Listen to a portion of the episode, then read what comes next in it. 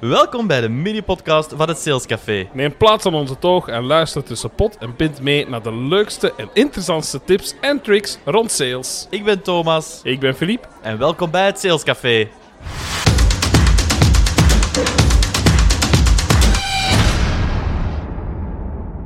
Hey Filip.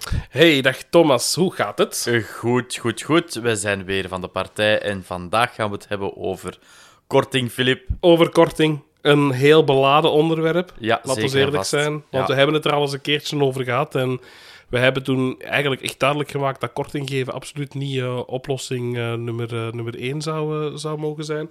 En dat is het ook nog altijd niet, hè? Laten we daar duidelijk in zijn. Ja, klopt. We hebben al een beetje liggen voorpraten voor de Ja. opname en daar waren we het al niet eens. Nee, nee, nee, maar dat is normaal, omdat wij ten tweede totaal verschillende Ja, werelden, waarin dat wij zijn allebei van sales, maar jij zit in hospitality, ik zit in retail, en het is vaak een andere klantbenadering. Ja, zeker Dus- vast. Dus daarom weten we nu al dat dit deel 1 wordt van korting. Waarschijnlijk wel. En dan zouden we eigenlijk heel graag jullie meningen horen, uit andere sectoren ook, om te zien hoe dat ze bij jullie omgaan met korting. Ja. Want ik heb wel begrepen, om als ik daar dan ook eerlijk in ben, ik Mhm. wacht zelf ook op kortingsperiodes binnen de retail bijvoorbeeld, voordat ik iets wil aankopen. Hè. Ja, ja, absoluut, maar dat is ook heel normaal, want je wordt in de retail ook vaak doodgeklopt, noem ik het dan maar, met allerlei acties die ook een korting insinueren. Hè? Koppelverkoop, stapelkorting, solden, open deurdagen, btw-acties, klantendagen, lentekorting en zo verder enzovoort. Het vliegt rond je oren, Filip. Je wordt er effectief langs alle kanten mee geconfronteerd. Dus op een bepaald moment zit je ook met een klant die verwacht dat er een bepaald type korting is. Of ze wachten met naar je winkel te komen, of ze wachten met, Ja. je, met een aankoop te doen. En daar begin ik het gevaarlijk te vinden, Mhm. omdat je op den duur klanten gaat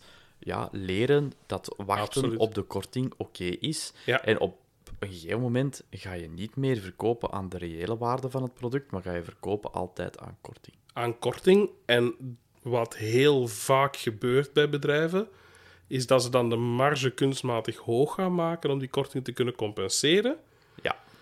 En dan spreek je bijvoorbeeld over ja, wat ik dan noem een imaginaire brutoprijs. Ehm niet anders is dan zeggen, normaal gezien kost dit product je 100 euro, maar wij bieden het u aan voor 80 euro. ja. Terwijl het waarschijnlijk... Wie kan nog volgen, Filip? Ik kan al niet meer volgen. Ja, het is dat. Dus Nee, maar mag ik, mag ik eens even zeggen, eh, ik heb ook daar nog een voorbeeld van, Ja? eh, van iets dat wij onlangs, allee, onlangs, dat is ondertussen ook al anderhalf jaar geleden, Mhm. eh, hebben voorgehad. Wij waren op zoek naar een nieuwe eettafel ehm, en we hadden een hele mooie eettafel gevonden, allee, enkele tafelblad, zal ik Mhm, maar mhm. zeggen. Ehm, en wij vonden dat in een best bekende retailwinkel, eh, meubelzaak, en wij hebben gewacht totdat de kortingsperiode eraan kwam. Mhm. Nu, we hadden een foto getrokken van de tafelblad voor de kortingsperiode. En wij zijn teruggegaan naar ja. de winkel tijdens de ik voelde kortingsperiode. bij al hangen. Ja. Ja. en wonderwel, ja, de prijs was hoger geworden, maar hij stond doorstreept en hij was zogezegd lager. Dus ik voelde mij als klant al helemaal belogen. Belogen en bekocht, om het dan in termen van sales te noemen. Ja, nee, klopt Maar- inderdaad. Maar, ja. maar, en dat is nu exact wat we in deze aflevering willen benadrukken. Als je op die manier met korting wil omgaan en als je op die manier wil communiceren, bedoezel je, wat mij betreft, gewoon de stijl van sales. Zo simpel is dat. Ja, ik ben daar volledig mee eens. En ten tweede, eh, wij zijn daarna ook niet meer terug geweest naar die winkel. Eh, ja, het is niet dat je elke dag ook een tafel nodig hebt. Dat, dat scheelt, dat scheelt. Dus dat scheelt. Eh, m- maar ja, dit verhaal heb ik ook al verschillende keren tegen verschillende mensen verteld. Dus again, het komt jouw brand, zal ik maar zeggen. Hè, dus de naam van je winkel, de naam van je product of de naam van je service niet ten goede. Absoluut niet. Nee, Integendeel. absoluut. Wat we nu in deze aflevering willen duiden, is dat je soms in een situatie zit, in een bedrijf zit, in een concurrentieveld zit, waar dat het niet anders kan dan toch korting te geven. Maar wij spreken in dit geval over afsluitkorting. Die laatste procenten korting die je misschien nodig hebt om de deal echt te kunnen sluiten. Geef jij die korting niet en is je product en de kwaliteit en de service hetzelfde niveau als die bij je concurrentie, dan zal je het spel verliezen. Dus je moet ervoor zorgen dat je op een bepaald moment daar toch in mee kan gaan. Daar ben ik het wel mee eens. Voilà. En we willen dus proberen je de technieken aan te leren om ervoor te zorgen dat je daar op een slimme manier en een doordachte manier mee omgaat. En om te beginnen willen we jullie iets laten luisteren. En dat is een fragment van Jos Burgers uit zijn keynote speech Geef nooit korting. Heeft er ook een heel leuk boek over geschreven. Ehm, en van daaruit gaan we beetje beginnen bouwen. Dus klanten die zoeken een soort van faire prijs, maar ze weten niet helemaal wat fair is. Nou, hoe ga je daar op een goede manier mee om? Ik heb eh, drie adviezen, zoals gezegd, voor u. En het eerste wat ik u mee eh, wil geven is: uh, buk niet te snel. Of anders gezegd, buk niet als de klant nog niet slaat. Uh, als hij gaat slaan, is het tijd genoeg om te bukken. Kijk, wat gebeurt er heel vaak? Bij dreiging gaan wij al bukken.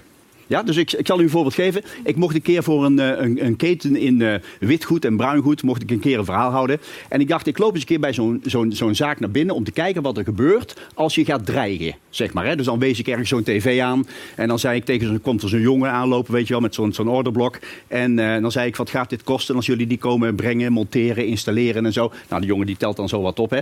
En die zegt dan bijvoorbeeld, nou, 975 euro. Nou, het volgende heb ik geleerd van inkopers. Het enige wat je hoeft te doen is de prijs herhalen. Meer hoeft niet. Dus dan zeg je gewoon 975 euro. En dan gewoon zwijgen. En komt er zo'n soort spanning. En dan zeggen ze, ja, dat is meer adviesprijs. En dan, uh, en dan zeg je, oh, mooi. En dan zwijg je weer. En dan zeggen ze, ja, we kunnen er nog eens even naar kijken. En dan zeg je, dat doe maar. Nou, dan gaan ze naar achteren. En dan gaan ze naar de baas, die zit aan de koffie. Dan gaan ze overleggen. En dan komen ze vaak al terug met de korting. Ja? Of het kan zelfs nog korter, heb ik geleerd van inkopers. Uh, dan noemen ze een bedrag, 975 euro. Ja? Dan zeg je gewoon als klant, zo... nou, punt. Dat is gewoon genoeg, zeg maar even. En dan zeg je, ja, is meer bruto. En dan zeg je, oh mooi, we kunnen er nog eens even naar kijken. Ik weet niet of u het zelf, u zelf hoort zeggen. Hè? We kunnen er nog eens even naar kijken. Die klant denkt, mooi, ze gaan er nog een keer naar kijken. Dan komt er waarschijnlijk korting. Ja? Dus uh, ik weet niet hoe dat bij u op de zaak gaat, hè, maar het komt maar vrij weinig voor. Uh, dat er iemand dan terugkomt bij een klant en, en zegt van, uh, ja, we hebben er nog eens even naar gekeken. Maar ja, dat hadden we beter niet kunnen doen. Ja, hoezo? Ja, het is nou meer geworden. Dus, meer geworden. Had je beter niet naar kunnen kijken. Ja, dat is nou te laat. Dus... dus zoals jullie horen in het filmpje, heel belangrijk, buk niet te snel. Ja? Ga niet te snel mee in dat verhaal van die korting, maar maak van die korting iets uniek. Hoe doe je dat nu? Vaak door een voorwaarde te koppelen aan een korting. Een van de voorwaarden zou kunnen zijn het sluiten van de deal. Ja? Dus, beste klant, als ik ervoor kan zorgen dat u vandaag die korting krijgt, hebben we dan een deal dan leg je op dat moment ook wel even terug de verantwoordelijkheid bij de klant om zich te engageren en te zeggen van oké, als je dat voor mij geregeld krijgt, dan gaan we het in orde maken. Ja. Op die manier krijg je ook een bepaalde bevestiging die er ook voor gaat zorgen dat je niet voor niks zomaar uh, geld gaat, uh, gaat weggeven. Een andere voorwaarde uiteraard, of een hele klassieke voorwaarde die je kan koppelen aan korting, is koppelverkoop. Die -hmm. uh, kennen we allemaal wel, zeker in de periode voor de solde. Koop twee producten en krijg 10% korting. Een heel klassiek verhaal. Nu, je hoeft dat daarom niet per se alleen tijdens die periode te doen. Ik ben er ook van overtuigd dat je je klant kan overtuigen om bijvoorbeeld een extra service bij te nemen. Op voorwaarde dat je hem dan een klein beetje tegemoet komt in de prijs. Mm -hmm. Alright. Daarnaast, geef ook niet te veel korting. Ja? Als je korting uniek maakt, dan heeft het weinig zin om in een split second na de vraag om korting 5 of 10% korting op tafel te toveren. Nee, vraag aan uw klant die korting wil, hoeveel korting hij in gedachten heeft. En je zal heel snel merken dat het slechts over een kleine afronding gaat. Dit product kost mij 2583 euro voor 2005 en het is in orde. Ja, ja. heb je 83 euro korting gegeven op een bedrag van 2500 euro. Wat ja. nog? Ja, nee, dat, dat, dat, daar, ben ik het, daar ben ik het zeker wel mee eens. Ik denk Ja. dat dat trouwens een hele sterke techniek is als tip dat je daar meegeeft. Ja, Leg de bal terug in het kamp ja, van de klant. ja. Want inderdaad, vraag iemand hoeveel had je dan in gedachten. Dat is eigenlijk meestal niet zoveel. Nee, heel vaak gaan die klanten zeer bescheiden om. En, en omdat ze namelijk voelen dat er een bepaalde bereidheid is vanuit de verkoper om iets te gaan doen. Je zet letterlijk de deur open naar korting. Hè. Als je de vraag krijgt, is er nog over de prijs te praten? Durf die vraag dan ook gelijk terug te stellen wat de klant daar specifiek mee bedoelt. Door bijvoorbeeld te vragen: ja, oké, en hoeveel hadden dan juist in gedachten? Of wat mist je nog in de prijs? Eh, want, en dat is iets wat we misschien nog te weinig herhaald hebben. Uw product heeft een bepaalde waarde. En het heeft dus geen zin om die waarde volledig te gaan verloochenen en dan maar te doen. Want als jij de korting heel makkelijk en heel simpel maakt, dan zeg je eigenlijk tegen die klant: ja, Je probeert mij te belazeren met 10% korting. Want als ik niks zou vragen, dan had ik gewoon 10% te veel betaald. Ja. En dat is wel echt een belangrijk standpunt om, eh, om goed, in, eh, goed in te gaan staan. Ja, eh, daar heb je natuurlijk gewoon het spel van vraag en aanbod. Laat ons Absoluut. daar heel, heel eerlijk in zijn. Als je om elke hoek hetzelfde product gaat vinden, Ja. dan ga je heel snel daar ook kortingen op gaan terugzien, Voilà. omdat iedereen van zijn stok vanaf moet. Hè? Ja, simpel. absoluut, ja. Daar komt het op neer. Uh, nu is er zoveel vraag naar datzelfde product, ja, dan gaat daar nooid korting op zijn. Mhm. Nee. Een heel stom voorbeeld, maar kijk naar Tesla. Tesla geeft gewoon standaard geen kortingen. Ah nee, waarom Punt. zouden ze? Iedereen wil er een De hebben. vraag is te groot. Voilà. En als er dan toch een correctie op prijs is gekomen, dan heeft hij het onlangs gedaan. Hup, ineens 15% eraf op heel het gamma. Ja. Eh, dat, dat is een andere correctie, zal ik dan maar zeggen. En dat weet daarna hij dan nog heel weer- mooi te verpakken ook. Ja, Dus en daarna zeggen we weer, ja, er is standaard geen korting op. Dus het hangt heel veel af van vraag en aanbod, of dat er korting wordt gegeven op een bepaalde product of service. Mhm. En dat gaat bepalen in welk speelveld dat je zit. Ja, en dan speelt het gewoon ook heel vaak mee. Geef jij die korting niet, maar lever jij normaal gezien hetzelfde product aan dezelfde kwaliteit, met dezelfde service en dezelfde voorwaarden als je concurrent dat doet, dan wint die concurrent. Hm. Dan moet je proberen, denk ik, op dat moment inderdaad mee in, die, eh, in dat verhaal te stappen van korting. Gewoon om het te kunnen commercialiseren. dan. Uiteindelijk is 0 euro omzet wel heel weinig om mee te moeten verder leven als, eh, eh, als bedrijf. Dus je moet op een bepaald moment moet je gaan kiezen. Oké, mijn product kost normaal gezien 1050 euro en nu kan ik het voor 1000 euro verkopen, maar dan heb ik tenminste mijn 1000 euro. Ja, dat gaat inderdaad voor producten die op stok liggen, bijvoorbeeld. Op hè, want- stok liggen of die heel veel concurrentie ook want gewoon daar aanbiedt. zit hem eh, natuurlijk het grote verschil vaak tussen eh, producten en services. Ja. Ehm, ja, producten die liggen morgen nog altijd in datzelfde rek. Ja. Ehm, en als jij dan dag daarop dat terug beslist om die prijzen omhoog te doen, dan gaat dat terug. Ja. Ik kan geen service meer verkopen van gisteren. Nee. Dat, is, dat is het grote probleem. Ja, absoluut. Ehm, dus ik denk dat, denk dat daar ons, on- ons groot verschil zit Ja, hè, tussen, ja, tussen ja, retail en hospitality.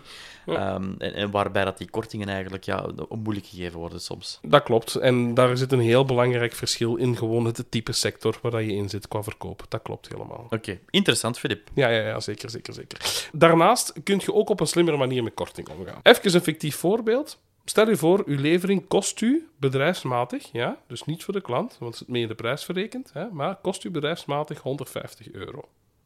Dan kan het interessant zijn om gewoon aan uw klant te vragen, beste klant, wat zou u ervan vinden dat u het product zelf komt halen? En dan kan ik u een extra korting van 75 euro geven.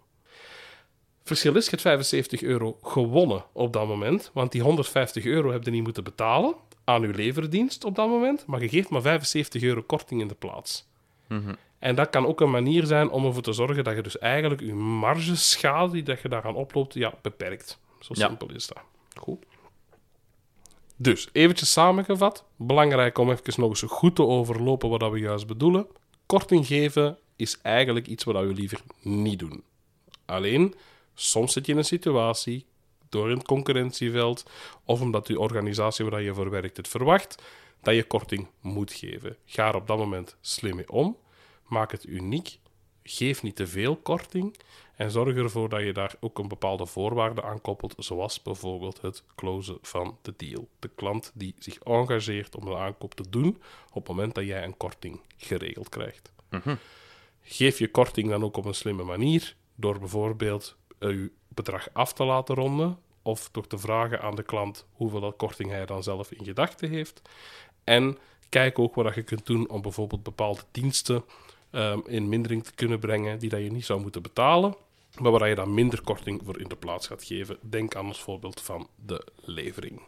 Oké, Mensen, dit was wat dat wij nu over korting wouden vertellen. Hè. Dus het is, we weten dat het beladen is, maar alsjeblieft, geef ons de nodige reacties. Hè. dat klopt. Wij horen heel graag jullie mening. Dus zoek ons op via de sociale media, het Salescafé of Salescafé. Stuur ons daar een bericht. Vertel jullie ervaringen uit jullie sector, hoe jullie omgaan met korting. Of geef ons gewoon jullie mening. Wij horen het heel, heel graag. Ja, absoluut. En, eh, want als wij de waarheid niet spreken, dan horen we het graag. Er zijn waarschijnlijk ongetwijfeld heel veel waarheden over, maar we willen ze allemaal weten. Voilà. Luister ook via alle kanalen die daar ondertussen bekend zijn, maar geef ons ook zeker een like, lieve mensen. Want Ja. dat zorgt ervoor dat andere mensen ons weer kunnen vinden. En dan kunnen wij heel veel mensen blij maken met onze podcast. Voilà. Heel goed. Yes? Yes. Alright, tot de volgende keer. Tot de volgende keer. Bye Bye. bye. Eh, Thomas, Ja. ik ben nog iets vergeten. Oei. De quote van de aflevering. helemaal vergeten. Die mogen we niet vergeten, hè? Nee, die mogen we niet vergeten. Nee, nee, nee. Maar ik heb wel een hele toepasselijke gevonden, omdat het was wel een lastig onderwerp. En we hadden het toch wel over de waarde, dus ik heb deze gevonden. Hij, hij komt van Aldo Gucci, van het eh, kwaliteitsmerk eh, dat we allemaal wel kennen. The bitterness of poor quality is remembered long after the sweetness of low price has faded from memory. Wauw, Filip. Alsjeblieft. Dank en wel. daarmee sluiten we nu eens echt af voor vandaag. Tot de volgende keer. Tot de volgende. Bye bye. Bye.